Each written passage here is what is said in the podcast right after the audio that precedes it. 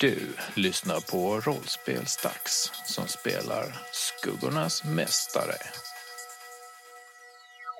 Jag blev väckt av Gizmo. Oj, vad jag saknat honom. Han var så duktig så han fick ett halvt paket salami av mig. Bredvid Gizmo fanns en man med pistol som presenterade sig som Gabriel. Han utforskade skogarna efter skumma saker. Han verkar märklig. Jag mår väldigt dåligt över dagen innan för det som hände med Elvira, men bara jag löser det här mysteriet så kan vi åka härifrån tillsammans igen. Vi gick upp till ett berg och därifrån såg vi en skum person med hawaiiskjorta och stråhatt. Jag drog fram en flotte ur min magväska och vi åkte pulka ner för berget. Det var kul! Väl framme såg vi läskiga rådjur som var täckta av slem. Men vi såg också den där obelisken. Där fanns en forskarväska och snön den var täckt av blod. Vad är det som händer här egentligen? Jake Steele står där med en väska i handen. En blodig väska. Snön runt omkring där väskan låg är också rödfärgad. Och bredvid ett nyligen utgrävt hål med en märklig svart obelisk i. Men utöver Jake och hans nya följeslagare Gabriel tillsammans med dinosaurien Gizmo är det ingen annan som är här, tycks det som. Även om det av tecknen att tyda så var det någon här ganska nyligen. Oj. Det har hänt någonting här, säger Jake högt. Gabriel tycks mer intresserad av obelisken än av blodet och väskan så han har börjat titta på den här och eh, försöker, jag vet inte, kanske försöker tyda den eller någonting. Han eh, följer det som ser ut som typ hieroglyfer på ytan på obelisken med fingrarna och se. Det ser ut som om han försöker känna igen dem på något sätt. Tittar i ryggsäcken då, om det är något speciellt som ligger där. Det ligger olika mätinstrument som du antagligen aldrig har använt förut som forskare använder ute i naturen. Och sen lite olika som parafernal parafernalia som små burkar och grejer som man kan samla in grejer med och spade och hackor och sånt. Borstar. Okej. Jag skriver upp lite mätinstrument och sånt då i mitt inventory för jag stoppar den här ryggsäcken i min eh, magväska. Med allt vad det innebär. Du trycker ner hela, hela den blodiga väskan ner i din magväska. Ja, det här är ju ändå någon form av bevismaterial. Jag känner ju att det här är en brottsplats potentiellt, va? Ja, det är ju ett ganska rimligt antagande. Finns det spår här som leder åt något håll? Eller har det liksom bara pff, sprängts blod och så är det ingenting kvar? Dels så ser du flertalet olika djurspår och dels så ser du någonting som ser ut att vara spåret efter ett litet fordon av något slag. Mhm. Som en skoter? Eller Kanske. Robot Wars spår? Mycket möjligt att det kan vara liknande spår. Det är typ som en bandvagn fast med kanske 15 centimeter breda spår Okej. som sitter en bit ifrån varandra så att alltså hela spår, spårvägen är kanske en halv meter i bredd. Hmm. Men det är ändå ett motorfordon av något slag då? Ja. Och det leder härifrån? Ja, du kan ju inte säga ifall det leder till eller från platsen, men eh, det leder ju åt ett annat håll. Är spåren mot forskningsstationen på något sätt? Eller bort från for- forskningsstationen? Spåren går typ rakt österut. Så de leder inte mot forskarbasen utan de leder förbi forskarbasen ser det ut som. Hittar du någonting, Gabriel? Ja, nej, det var, det var en svår nöt att knäcka den här. Aldrig varit med om något liknande. Har du känt på den? Nej. Testa. Det känns ju farligt tycker jag spontant som spelare, men eh, Jake är nog inte den som tänker efter två gånger utan eh, tar nog tag och känner lite på stenen också. Ja, ja, du har ju sett Gabriel ha rört vid den utan att det har hänt någonting. Men, Mm. Men han har en poäng, Gabriel, där. Eh, för när du rör vid den, det känns inte riktigt som sten. Inte riktigt som metall.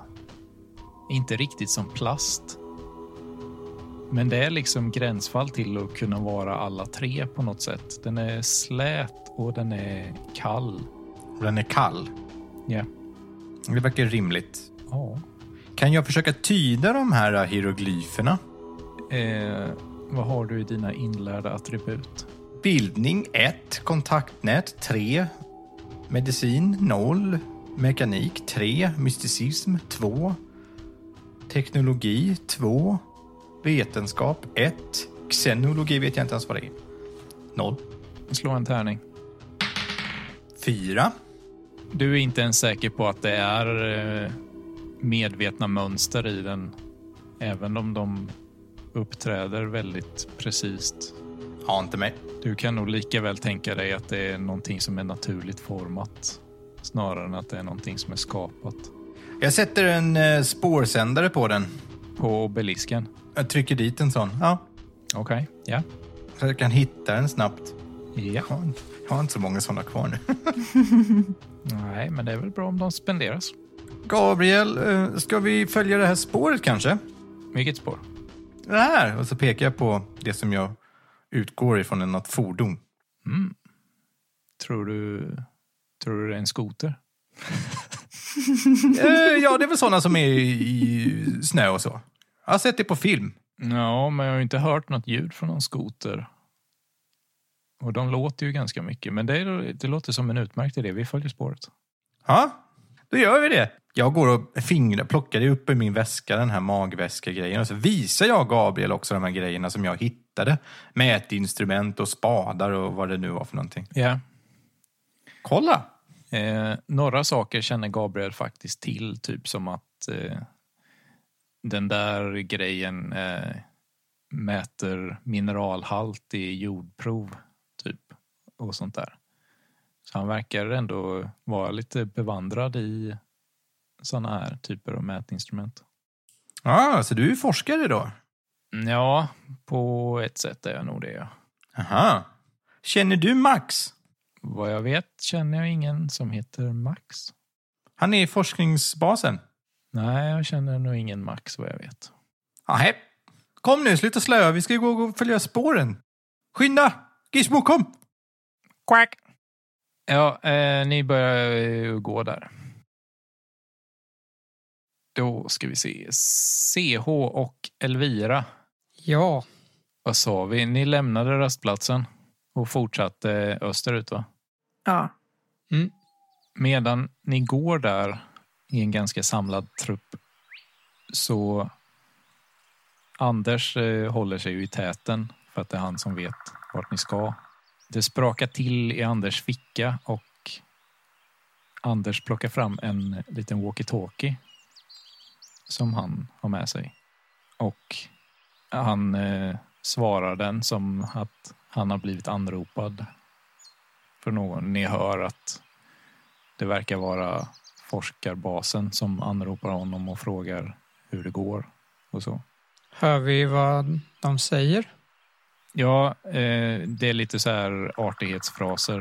Eh, hur går det och vad gör ni och bla bla bla. Och sen så frågar de ifall eh,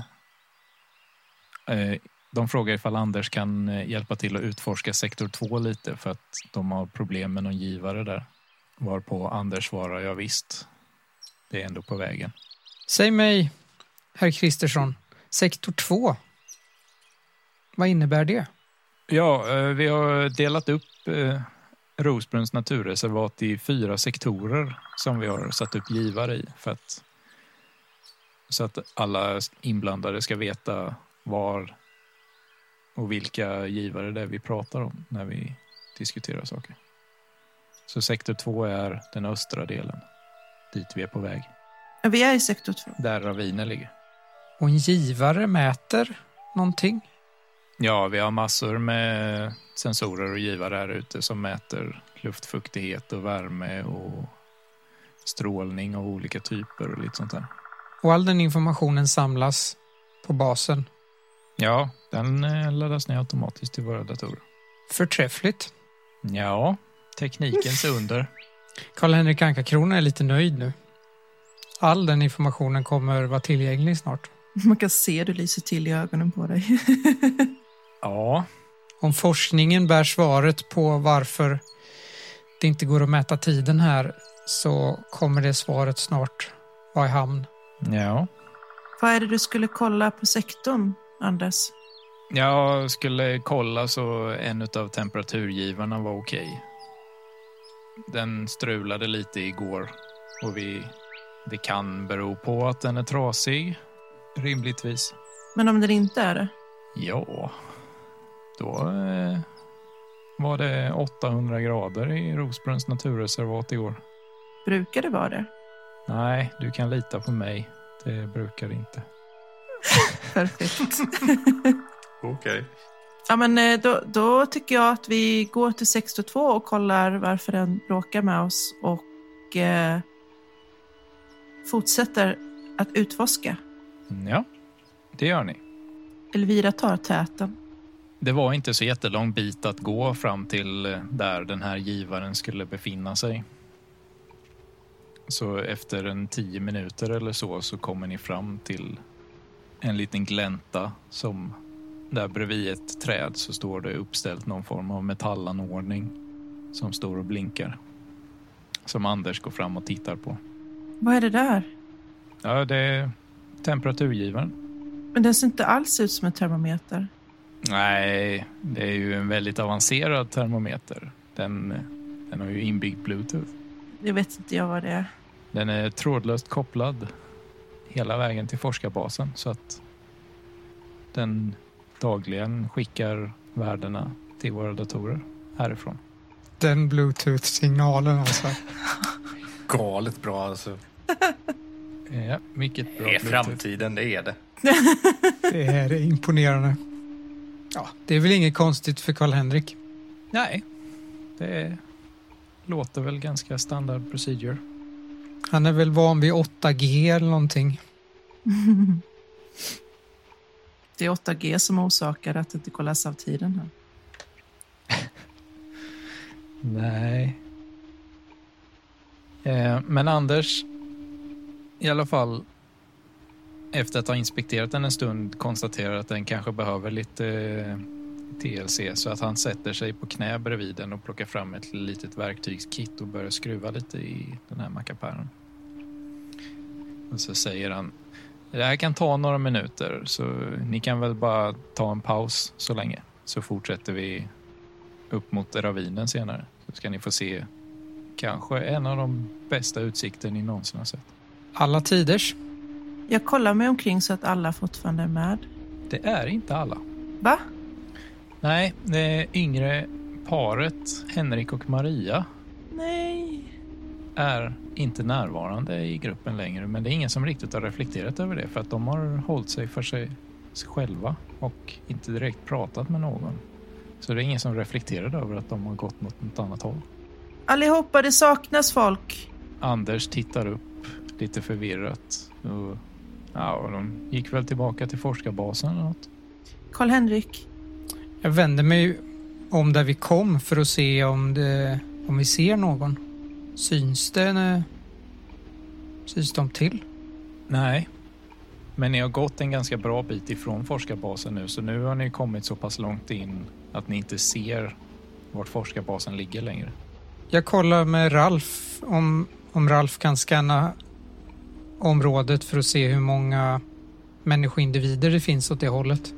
Drygt någon kilometer västerut så ser han, ser Ralf två människor representerade en bit söder om forskarbasen.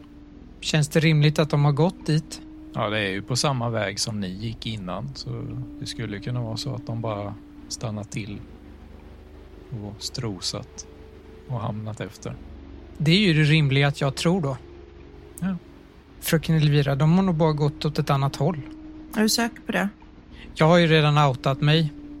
Så jag, jag så pekar på klockan och eh, nickar. Okej, bra. Jag tycker inte om att folk håller på att försvinna hela tiden. Det känns inte okej. Människor som försvinner, de, de förtjänar inte egentligen att jag bryr mig, men de, när de lämnar en och, är ensam i mörkret och det är alldeles kallt och man känner sig som att man är den enda människan på hela jorden. Karl-Henrik Anka-Krona nickar sammanbitet. Det är viktigt att vi håller ihop. Mm. Ja, men vi står där och tar en liten rastpaus och väntar på Anders, va? Njuter av naturen. Ja. Det är ju faktiskt ganska skönt att ta en liten bensträckare vilare här. För att ni har gått en ganska bra bit nu och det är ju som sagt var ganska jobbig terräng att ta sig igenom.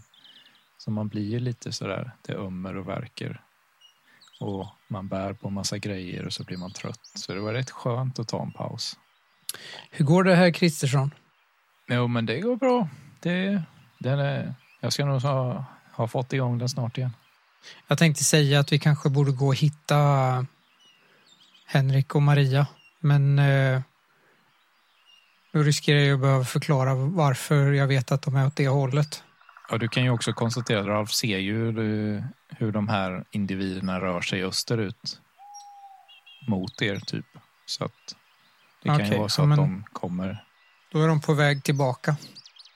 Jake och Gabriel, Ja, efter att ni har gått en eh, bit, en stund, så kommer ni fram till vad som en gång tycks ha varit en rastplats hos, för kampare. Men den är demolerad, helt förstörd. Det, så, det ligger tältbitar sönderrivna över marken, utslängda saker som är trasiga. Och det går mängder med fotspår från djur över platsen och även det här fordonsspåret som ni följer tycks gå in på den här platsen och har kört runt en bit innan det fortsätter framåt. okej. Ser det ut som att det var länge sedan som någon använde den här campingplatsen då? Ja, den har nog varit övergiven ett tag nu för att eh, snön har blåst över en del bitar så att eh, mycket är täckt. Men det är fortfarande synligt att det är demolerat liksom. Men det är inte någonting som har hänt nyligen. Sen är det ju svårt att avgöra om det är timmar det rör sig om eller så. Men då skulle jag vilja prova att använda min eh, brottsplatsundersökning för att avgöra hur länge sedan det var som det här blev ett uppbrott här och kanske också få ett hum om vad det är som har hänt som kunna motivera på det viset. Då vill du slå ett slag för uppmärksamhet och eftersom du använder expertis så får du slå två tärningar. Mm. Två, två. Slår du två tvåor, Mm. då är det ett perfekt slag. Okej. Det betyder att du får fyra stundpoäng Oh. och lyckas med effekt fyra. Det betyder att du lyckas utmärkt. Du finner all information av vikt. Just det. Så fram med den bara. Du konstaterar ju i alla fall att så mycket som det snöade igår kväll under natten så måste det ju ha hänt under morgonen i alla fall. För att annars hade ju allting varit täckt av snö. Mm. Men så mycket snö som ligger på platsen nu så är, är det ju ändå så att det är inte bara en halvtimme sen utan det är ju många timmar sen det har hänt i sådana fall. Efter att det slutar snöa. Ja. Det verkar inte vara någon som har kommit till skada här för att du hittar inget blod eller någonting sånt utan det är mest trasiga prylar. Så du är osäker på om det fanns några människor involverade i det hela. Men vad då trasiga? Trasiga på vilket sätt? Kan man se hur de har eh, gått sönder då? Eller har de blivit söndertuggade, sönderslagna? Du hittar inga spår av typ klor eller tänder eller så. Men till exempel du hittar en termos som har blivit ihopknycklad. Okej. Tältet har ju blivit sönderrivet i små bitar. Det finns lite matpaket eh, som är upprivna och utströdda. Typ paket havregryn som ligger. Okej. En kikare som har blivit sliten mitt i tur. Det krävs ju en fruktansvärd styrka för att göra det. Tänker jag. Eller ja, tänker jag, men tänker min karaktär det. Någonting väldigt starkt för att knöckla ihop en termos. Liksom. Ja, det borde väl din karaktär reagera på också. Den är ändå... Alltså det är ju ståltermos. Precis. Du har ju bra i fysik så du förstår ju hur mycket styrka som behövs för vissa saker känner jag. Exakt. Mm. Jag kommenterar det till Gabriel och säger då, kolla, det måste ha varit något jättestarkt som har gjort det här. Bara för att se hur han reagerar. Ja, vi har ju hört eh, rapporter om vildsinta djur på platsen. Måste väl varit något sånt eller? Ja, jo, i och för sig. Kanske. Jag tittar lite på vad Gabriel gör för någonting tror jag. Vad har du i kommunikation? Eh, menar du kontaktnät? Nej, kommunikation. Naturligt Jaha, attribut. eh, nej, nej, det var där uppe. Eh, ett. Okej. Eh, Gabriel gör väl typ samma sak som du. Han går runt och inspekterar platsen lite, så gräver, borstar fram lite saker för att se vad det är som ligger här. Ja. Försöker lite förstå vad det är som har hänt. Han kollar lite på spåren som finns här också och konstaterar... Han pratar lite för sig själv ibland, tänker högt typ och säger måste vara rådjur va? När han kollar på något spår. ja, det måste det vara. när du svarar honom när han gör så där så hoppar han till lite och som om han kom på sig själv med att oj, så är det där högt. Jag reagerar nog på det också. Han gör inte så stor notis av det. Jag ställer mig och börjar leta igenom om jag hittar någonting av värde där. Definiera av värde. Berätta allt som finns där. I princip all utrustning du kan tänka dig ha med för en campingresa till Norrland. Men mycket av det är som sagt trasigt. Allt är inte trasigt. Det finns ett spritkök som kanske inte fungerar men eh, till exempel gasoltuben till spritköket är intakt. Jag plockar på mig det jag stoppar ner i min magväska. Gasoltub, spritkök, tält. Du hittar en sån här liten eh, handyxa men eh, den har inte handtaget kvar utan det är bara bladet. Det som är vasst. Ja. Huvudet, så att säga. Ja. Precis. Jag tar den också. Du hittar lite kläder som inte tycks vara sönderrivna. Som klarar varm, kallt väder bra. Nej. Det verkar vara typ underkläder och liknande. Inomhuskläder, inte, inte ytterkläder. Som t-shirtar och kalsonger och sånt, eller? Ja, typ. Jag tar det också och lägger det i min magväska. Mm, gamla kalsonger. kan vara bra att ha. Ja, ja, Jake är en hoarder. Mm. Du ska inte ta de trasiga Tidsmaskinen sakerna och också. tvättmaskin. Du vad är, det, vad är det för trasiga saker? Jag har ju tagit yxan som var trasig redan. Ja, men ska du ha den trasiga termosen till exempel? Ja, jag tar en trasig termos. Det kan vara bra att ha. Tur att den där husvagnen är så mycket större på insidan. För annars, så annars hade Elvira märkt vilken hoarder han är för länge sedan. Hoarders våta dröm är det som jag lever i. Du hittar eh, plastgafflar och plastknivar och papperstallrikar. Nej, det vill jag inte ha.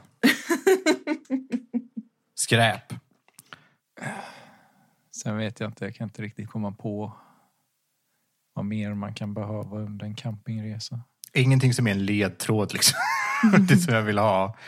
Uh, Okej. En värmekälla. Va? En värmekälla Ja. borde väl finnas på en campingresa. Spritkök. Ja, du hittar eh, såna här eh, små eh, paket som eh, man kan trycka till så de blir varma på en stund. Mhm. Men det är bra. Du hittar tre stycken sådana. Värmepaket. För en värmekälla är precis vad du behöver. Mm. Nej, nej, men eh, om det här inte är någonting som jag känner ger en uppenbar ledtråd till var vi ska ta vägen. Jag är ju ute efter den här mannen i hawaiiskjorta liksom. Så jag tror inte vi dröjer oss kvar jättelänge utan försöker röra oss vidare så fort som möjligt. Ja, ni fortsätter att gå. Anders skruvar i den sista skruven i den här givaren och ställer sig upp och klappar i händerna som nu är jobbet färdigt. Och vänder sig mot er. Jaha, ska vi fortsätta då kanske? Ja, Led vägen min herre. När han vänder sig om så sprakar det till i hans ficka igen och han plockar upp walkie-talkien.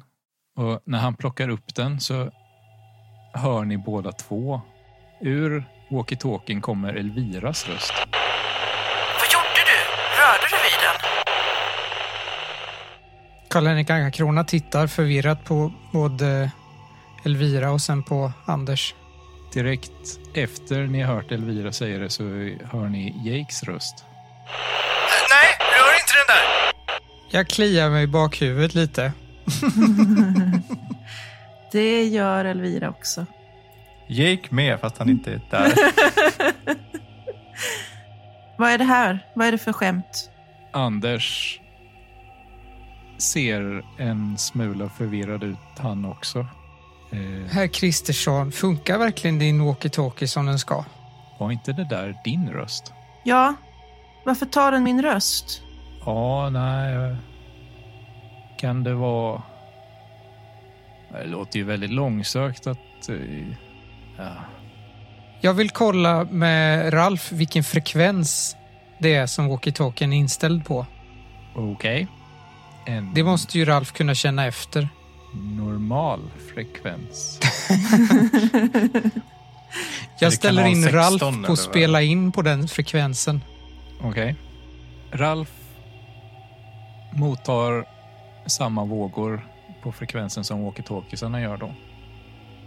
Och spelar in. Ja, men inte spelar upp utan spelar in. Ja. Eh, walkie-talkien sprakar till lite i alla fall och tystnar. Anders trycker på knappen och anropar forskarbasen. Och de svarar och han frågar vad det var de ville. Och får till svar att de inte kontaktat honom sen senast när de frågade om man kunde fixa givaren. Och varpå Anders säger ja, det måste vara någon störning någonstans då, någon flux. Elvira vänder sig till Axel och så säger hon. Det betyder att jag och Jake kommer träffas igen. Axel tittar förvirrat på dig och vet inte riktigt vad han ska göra. Jag, jag kramar Axel. Ja, okej. Ja. Eh, han är lite motvillig, men eh, du får ändå ge honom en kram. Det, det, det är nog meningen. Det är det han alltid snackar om. Det är jättebra. Jävlar vad skit han ska få. Anders plockar upp en eh, liten anteckningsbok och en penna och skissar ner någonting i den innan han stoppar undan den och åker talkien igen. Och ja, men då går vi då och börjar vandra utåt igen. Vi följer väl bara efter. Med lätta steg. jag bara antar att Elvira funderar på det. Hon är ju ändå tidsresare. Så hon tolkar nog det på det viset. Jag vet inte hur jag ska tolka det, men det får vi se.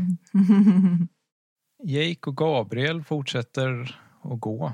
Vi är bra på det. Ni går ju där i tystnad för att eh, han, Gabriel verkar ju inte vara särskilt pratglad och du riktar desto mer uppmärksamhet mot Gizmo som du inte hade sett på ett par dagar. Gizmo är fortfarande överlycklig över att vara i din närhet igen. Quack. Jag är väldigt glad för den, eh, eh, eh, den närheten ändå.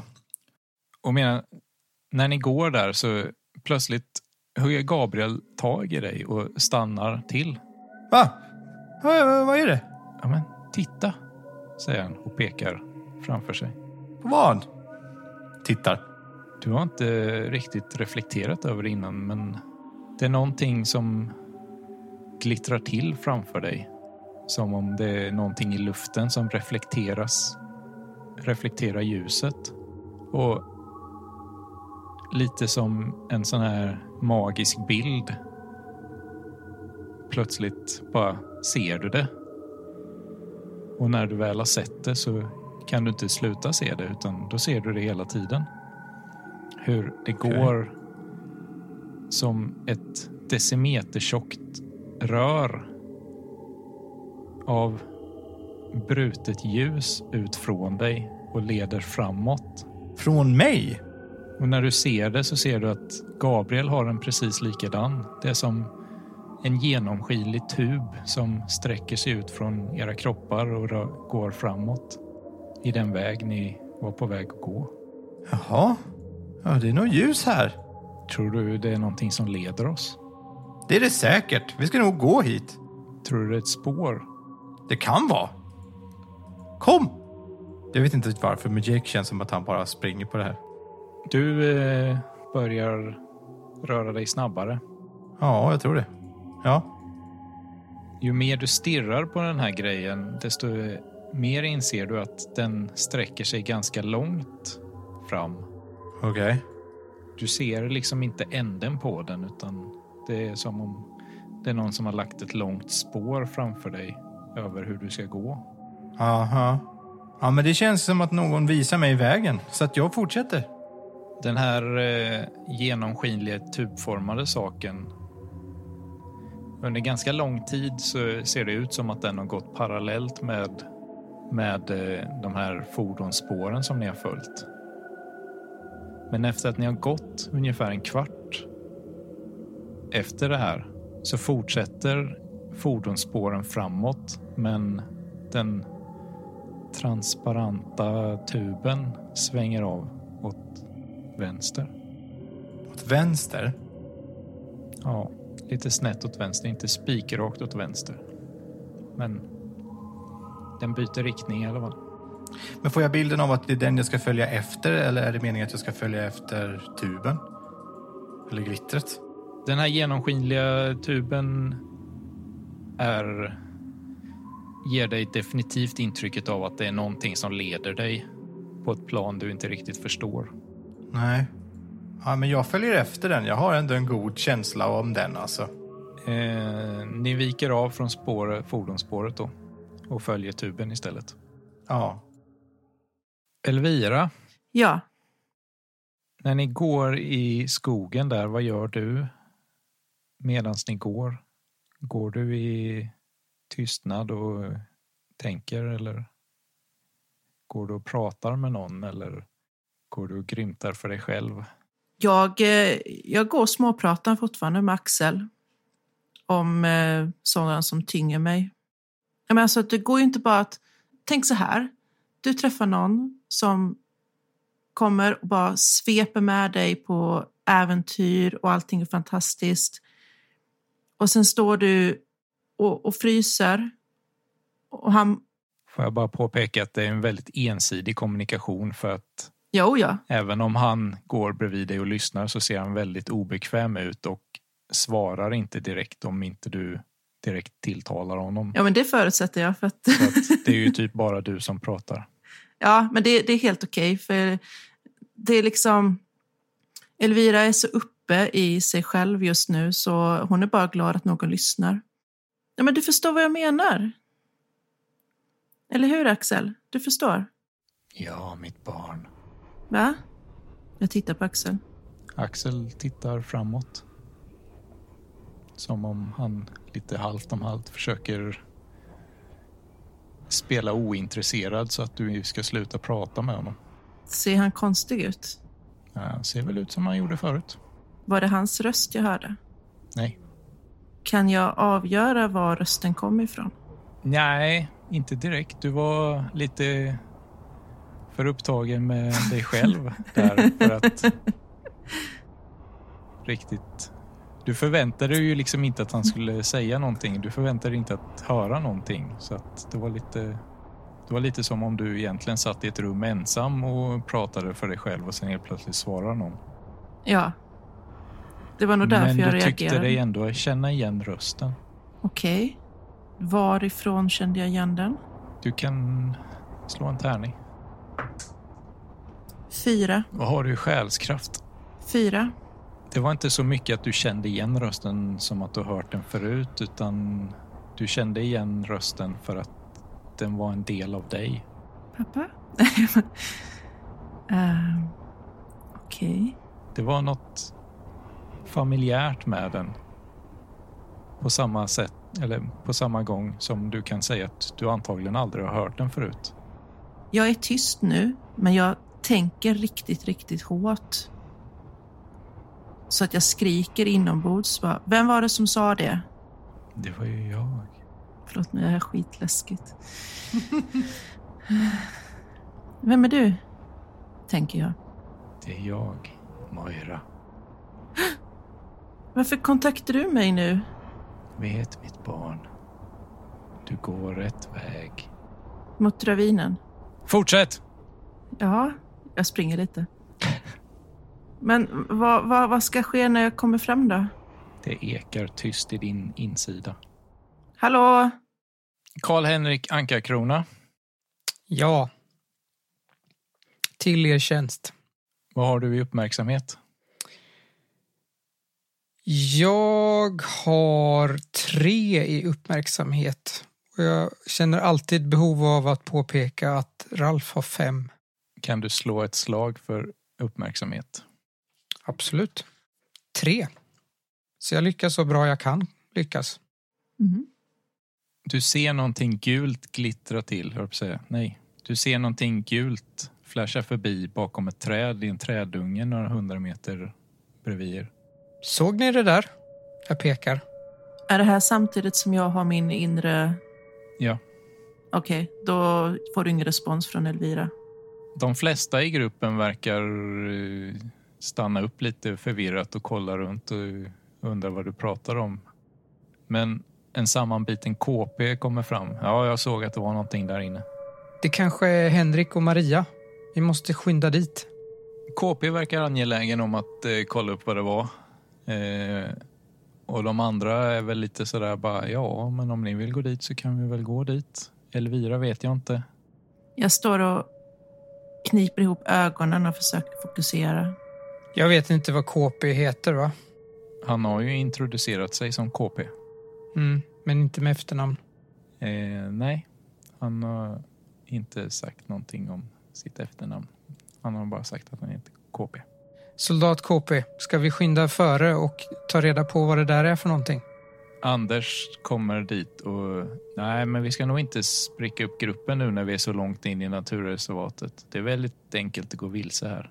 Men om ni vill kolla upp dungen så kan vi gå dit allihopa tycker jag. Alla tiders. Visa vägen min herre. Ja, det var ju bara några hundra meter bort. Så. Följer Elvira med eller är hon fast i sig själv? Nej, alltså börjar folk röra sig så följer jag efter. Jag har bara inte varit så fokuserad precis just nu, men eh, nu händer det spännande saker här uppenbarligen, så då, då skiftar fokuset. Ja, du snappar out of it. Mm. Och ni skyndar er bort mot dungen. Raskt.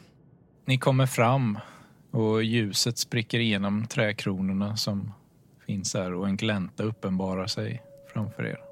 Inne i gläntan så hör ni ett muntert blippande ljud och bredvid en snöhög inne i den här gläntan så står en metallisk varelse. Dess händer är gripklor som ivrigt undersöker den här snöhögen den står bredvid. Och underdelen på den är hjul med larvband som glider över snön. Av någon outgrundlig anledning så är den här metalliska varelsen iklädd en färgglad hawaiiskjorta och på huvudet har den en stråhatt. Jag ropar till den. Identifiera er. Den, den gör ett vad som närmast kan beskriva ett förvånat pip och den snor runt med en snabb hastighet och något glatt blippande ljud kommer från den och den åker fram till er. Jag försöker få Ralf att tolka det här glatta blippandet om det är något slags språk. Kan Ralf tolka det? Kan Ralf göra ett slag mot kommunikation? Det kan Ralf. Kan jag, Ralf göra det med eh, ett svårt slag så han slår två tärningar och väljer det sämsta. Aha. Får jag slå ett kommunikationsslag? Eh, Ralf lyckas inte. Ja, Elvira kan slå ett slag, men då får du slå tre tärningar och välja det sämsta. Jag kan ju tänka mig att slå också. Ja, gör det med tre tärningar. Jag har ju sex i kommunikation. Innebär det att jag får slå med två tärningar eller någonting då eller? Elvira, Ja. den här nyfikna, glada, metalliska varelsen är förtjusande. Åh, ni ser vad söt den är! Du blir upp över öronen förälskad i den. Får man, får man klappa den? Vi ska bara lösa en situation med Karl-Henrik Ankarkrona här först. Bara. Jag vill använda fyra skuggpoäng för att eh, påverka svårighetsgraden för dig, Karl-Henrik Ankarkrona. Oj, jävlar. Nej, fem vill jag använda. Så ditt slag misslyckas automatiskt. Ja, Ska inte komma här och fuska med sex i kommunikation. Känns som att spelledaren inte ville att vi skulle få en känsla. Nej, känns väl som att det var bra sak att lägga det på istället för att göra så att det gör ont. Ja, verkligen.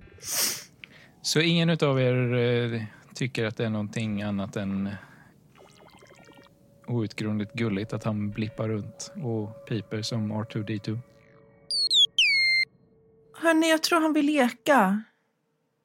Har vi något att slänga? Den eh, gripklonen den har börjar lite så här eh, rycka i er och inspektera era kläder. Och den tar tag i någons jacka och strålar ut någon form av skanningsstråle från ögonen som inspekterar den. Och så håller den på så med er allihopa. Den åker fram till någon och grabbar tag i den lite och skickar ut någon form av skanningsstråle från ögonen och blippar till glatt och fortsätter. Kolla på den. Ralf har ju teknikskärma. Kan, kan Ralf försöka kommunicera med den här varelsen? Om jag skickar ett textmeddelande till den, kan den tolka det och svara? Ralf kan försöka. Då försöker Ralf. Osäker på exakt hur, men eh, fan. Slå ett slag på kommunikation då. Och då får jag två tärningar eftersom det är en expertis. Nej, icke. Elvira tar upp en pinne och viftar med och slänger iväg. Fånga den då! När du slänger den så gör den samma sak. Den skjuter ut någon form av skanningsstråle från ögonen som följer pinnen i bågen. Sen vänder den sig om och stirrar på pinnen när den ligger på marken en stund. Jag tar den! Och sen vänder den sig om till dig igen. Kan jag på något sätt avgöra tidsålder på den här teknologin? Slå ett slag för teknologi. Jag slår en tre och en femma och jag har en fyra. Men det innebär väl att jag lyckas. innebär att du lyckas med en trea. Eftersom du är van vid att hantera eh, avancerad teknologi och eftersom du är van vid att hantera tidsresande och saker från framtiden så kan du konstatera att beteendemönstret som den här saken har antyder att den är inte skapad i nutid av mänskligheten. Den är alldeles för avancerad för att existera på den här platsen. Den uppvisar beteende som tyder på AI och det är inte någonting som existerar i nutid. Jag finner detta vara en ganska avancerad apparat.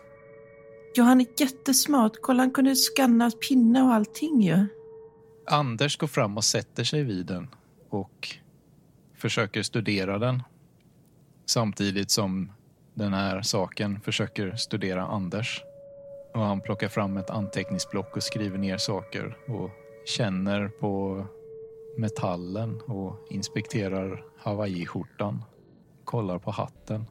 När han försöker lyfta hatten, Anders, så blir metallvarelsen lite... Det låter nästan förnärmat, hans pipande ljud.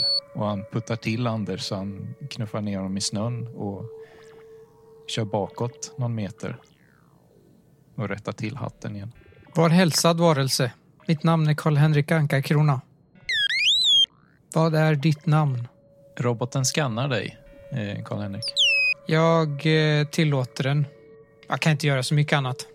Är, den reagerar på någonting när den gör det. Du kan inte riktigt svara på vad, men eh, det känns som att det är någonting som händer med den när den skannar dig. Och den åker tillbaka till Elvira och skannar Elvira igen. Jag vet att utomjordingar eh, ligger i krig, eller inte men kommer ligga i krig med mänskligheten någonstans i framtiden. Ja, det är så mänskligheten dör. Och jag vet att det här inte är skapat av en människa. Nej, du vet att den inte är skapat av en människa i den här tiden. Ja, okej. Det är en stor eh, skillnad där.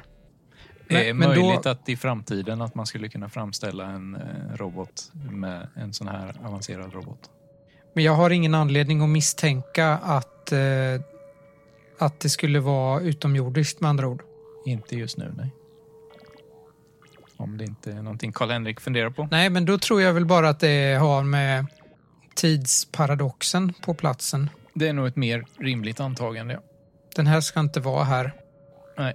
Och det kan väl också tända en liten tanke hos Karl-Henrik Ankarkrona att eh, tidsanomalin på den här platsen är orsakad av en temporal anakronism som uppkommit för att någon använt tiden på fel sätt på den här platsen.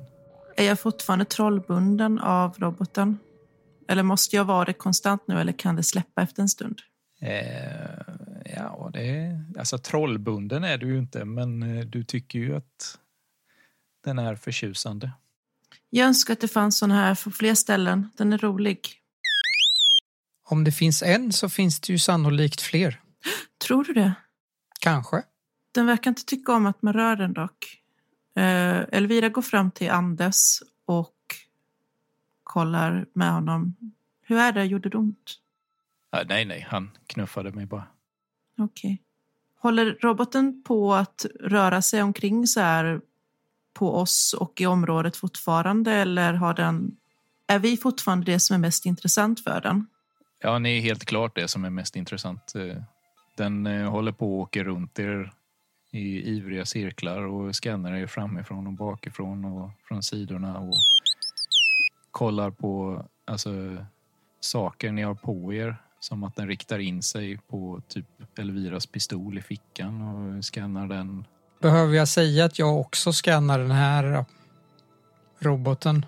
Ja, det... Ralf skannar skiten ur den. Jag vill veta exakt vad varenda diod i apparaten är gjord av. Ralf har lite problem att scanna den. Eftersom den är uppenbarligen inte tidstypisk så har han inte någon data i sin nuvarande databas som stämmer överens med den i någon form. Men han kan ju avgöra vad det är för material den är gjord av. Han hittar inget, inget passande. Den är tillverkad av en legering av något slag som han inte finner i sina databaser. Går det utröna vad legeringen är gjord av? Alltså vilka grundämnen? Ja, men det kommer att ta en stund. En sak kan Ralf eh, konstatera. Mhm. Hawaii-skjortan är gjord av 95% polyester och 5% elastan. Och stråhatten är en äkta stråhatt. Hmm. Allt annat med den här varelsen är någonting som Ralf saknar databas på. Går stråhatten och eh, hawaiiskjortan att temporalbestämma? Ja, de är nutida. Inget temporalstoft på dem. Sänder den ut någon slags signaler eller strålning? Svårt att säga för hela den här platsen sänder ut strålning. Så att det är oerhört komplicerat för Alfa att lyckas identifiera det på den nivån att den ser att den kommer just från den här saken för att det är så himla mycket som påverkar det här. Mhm. Det kan vara så att han kan lyckas ta reda på det men det kommer ta ett tag i sådana fall. Det vill jag att den ska försöka göra. Ja. Nej, men vi, vi står ju där och leker med roboten. Om den håller på att scanna oss så står vi nog kvar där tror jag. Ja, jag vill ju scanna den.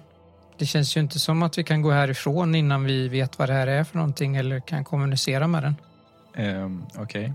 Men ni bara står där. Gör ingenting. Försöker kommunicera med den. För att Ralf försöker ju förstå sig på den men det kommer ju som sagt vara ta ett tag. Och Mm. det, är det går inte riktigt att avgöra hur lång tid det tar men eh, uppskattningsvis så kan det ju liksom dröja lång, lång tid. Men jag vill prata med Anders om det här då. Ja. Herr Kristersson, vad tror du om det här? Ja du, ingen aning.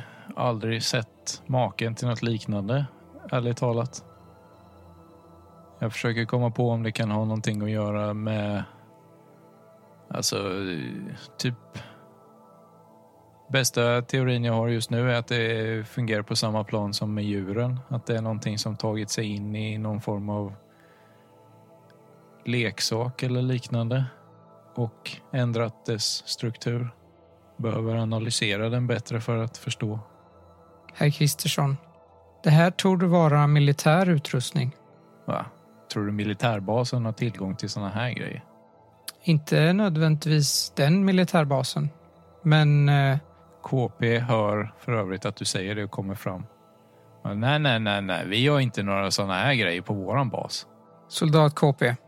Tror du att det här kan vara en främmande makts teknologi? Främmande makt? Nej, det låter... Ärligt talat.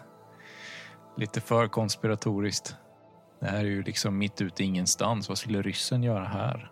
Det är dock ingalunda någonting normalt det här. Nej, men det är väl å andra sidan ganska få saker i den här skogen. Jag skulle ju ärligt talat säga att det är mindre normalt med den där jävla björnen än med den här lilla krabaten. Har ni inte sett det? Alltså, jag menar, japanerna har ju gjort underverk med robotar på senare tid. Så det är ju inte osannolikt liksom. Den där björnen, den var sjuk. Så en japansk robot är din mest plausibla teori? Ja, varför inte? Jag släpper tankarna på att försöka resonera här. Aha. Är alla i sällskapet kvar? Ja, bortsett från Henrik och Maria. Mm. Karl-Hugo verkar lite ha fattat tycke för den här prylen också. Och håller på att fota den med sin telefon. Det gör ju jag också, fast inte med telefonen. Men jag behöver ju dokumentera den här så mycket jag bara kan. Reagerar den på att bli undersökt? Nej, det verkar inte som det. Den är fortfarande fullt upptagen med att inspektera er. Okej, det här var jättespännande, men ska vi, ska vi röra oss vidare nu? Borde vi verkligen lämna den här? Men den kanske kan följa efter oss? Bra idé, fröken Elvira. Vi testar. Kom så gingo vi. Vi börjar gå. Och så vinkar jag till eh, ja, den här apparaten att följa efter det där. Se om den förstår. Det är knappt så att du ens behöver signalera till den för att så fort ni börjar röra på er så följer den efter er. Det känns ju både bra och inte bra, men eh, den verkar ju inte vara farlig. Nej, vi uppfattar inte det så i alla fall. Och jag låter eh, Ralf fortsätta scanna den för att få någon bild av vad det är för någonting och vad den gör. Och sen fortsätter ni gå mot ravinen. Mm. Och den följer ju efter hela tiden och fortsätter blippa glatt med er. Jake, när ni går där, du och Gabriel, så börjar du se på håll hur den här tubformade genomskinliga saken stannar. Nu händer något här. Du kisar till med ögonen så ser du att lite längre fram så utvidgas den här tubformade grejen. Den blir större och tar en annan form. Och bara en 20 meter framför dig så ser du hur den har tagit formen av, det ser ut som en människa som står still. Och bakom den, eller framför den blir det snarare, står en likadan fast i en annan pås. Och framför den ytterligare en. Det ser ut som att det är någon som har staplat stillbildsfoton framför varandra i typ fem meter. Av en person som går. Och på den sista delen som du kommer fram till så står den helt still. Och när du går igenom de här så är det som om de formar sig perfekt efter dina rörelser precis när du ställer dig i dem. Så den har förutspått vart jag ska gå någonstans kan man säga. Ja, Men den är här då? Är det här centrumet för den? Det vet du inte, men eh, den slutar efter ett tag i alla fall här. Den har liksom i ungefär en timmes promenad nu så har den liksom bara sträckt sig långt framåt. Men nu plötsligt så bara stannar den av. Och om jag börjar gå, då börjar den skapa bilder där jag kommer att gå då? Fortsätter du gå efter den sista, Ja, då har det är borta då. Tuben finns inte kvar, syns inte mer. Det var som om det ledde dig fram till en plats och sen slutade det. det är här vi ska vara. Gabriel, här måste det finnas någonting. Gabriel börjar undersöka området. Ja, det gör Jake också. slå uppmärksamhet. Du kan väl få expertis för din brottsplatsundersökning även om det kanske inte Ja, riktigt är en brottsplatsundersökning men det är... Jag slår två treor. Du slår perfekt igen. Ja. Jävlar. Okej, ja, då får du sex stundpoäng då. Sex. Ja, okej. Så jag har tio stundpoäng nu. Jag ska skriva upp det också. Det betyder att du lyckas med en effekt som i boken beskrivs övermänsklig. Jag hittar. Du fiskar fram tidigare helt okänd information och lyckas utveckla existerande idéer med egna teorier och slutsatser. Ah. Jag har ju så många. Ja. Jo, men du hittar ju en grej här. En metalllucka i marken under snön. Eller inte en lucka, men en platta. Men eftersom du slog så himla bra så fattar du eh, din slutledningsförmåga kopplar på sig så fantastiskt här att du förstår att det är någon form av hiss ner in i marken. Jag har alltså hittat en hisslucka in under jorden. Gabriel blir supertänd på den här när du börjar borsta fram den. Och börjar plocka fram instrument för att försöka se efter vad den, om den fungerar, om den alstrar el, om den gör någonting. Ja, jag låter nog Gabriel göra det i så fall. Han lyckas på något sätt tända upp en eh, liten panel vid ena sidan på den. Som ser ut att ha tre knappar. Tittar på Gabriel och nickar och säger Tryck! Tryck på knapparna! Gabriel trycker på en knapp och plattan, metallplattan ni står på skälver till och börjar sänkas ner i marken. Spännande! Jag tar, jag tar tag i Gizmo så att han följer med.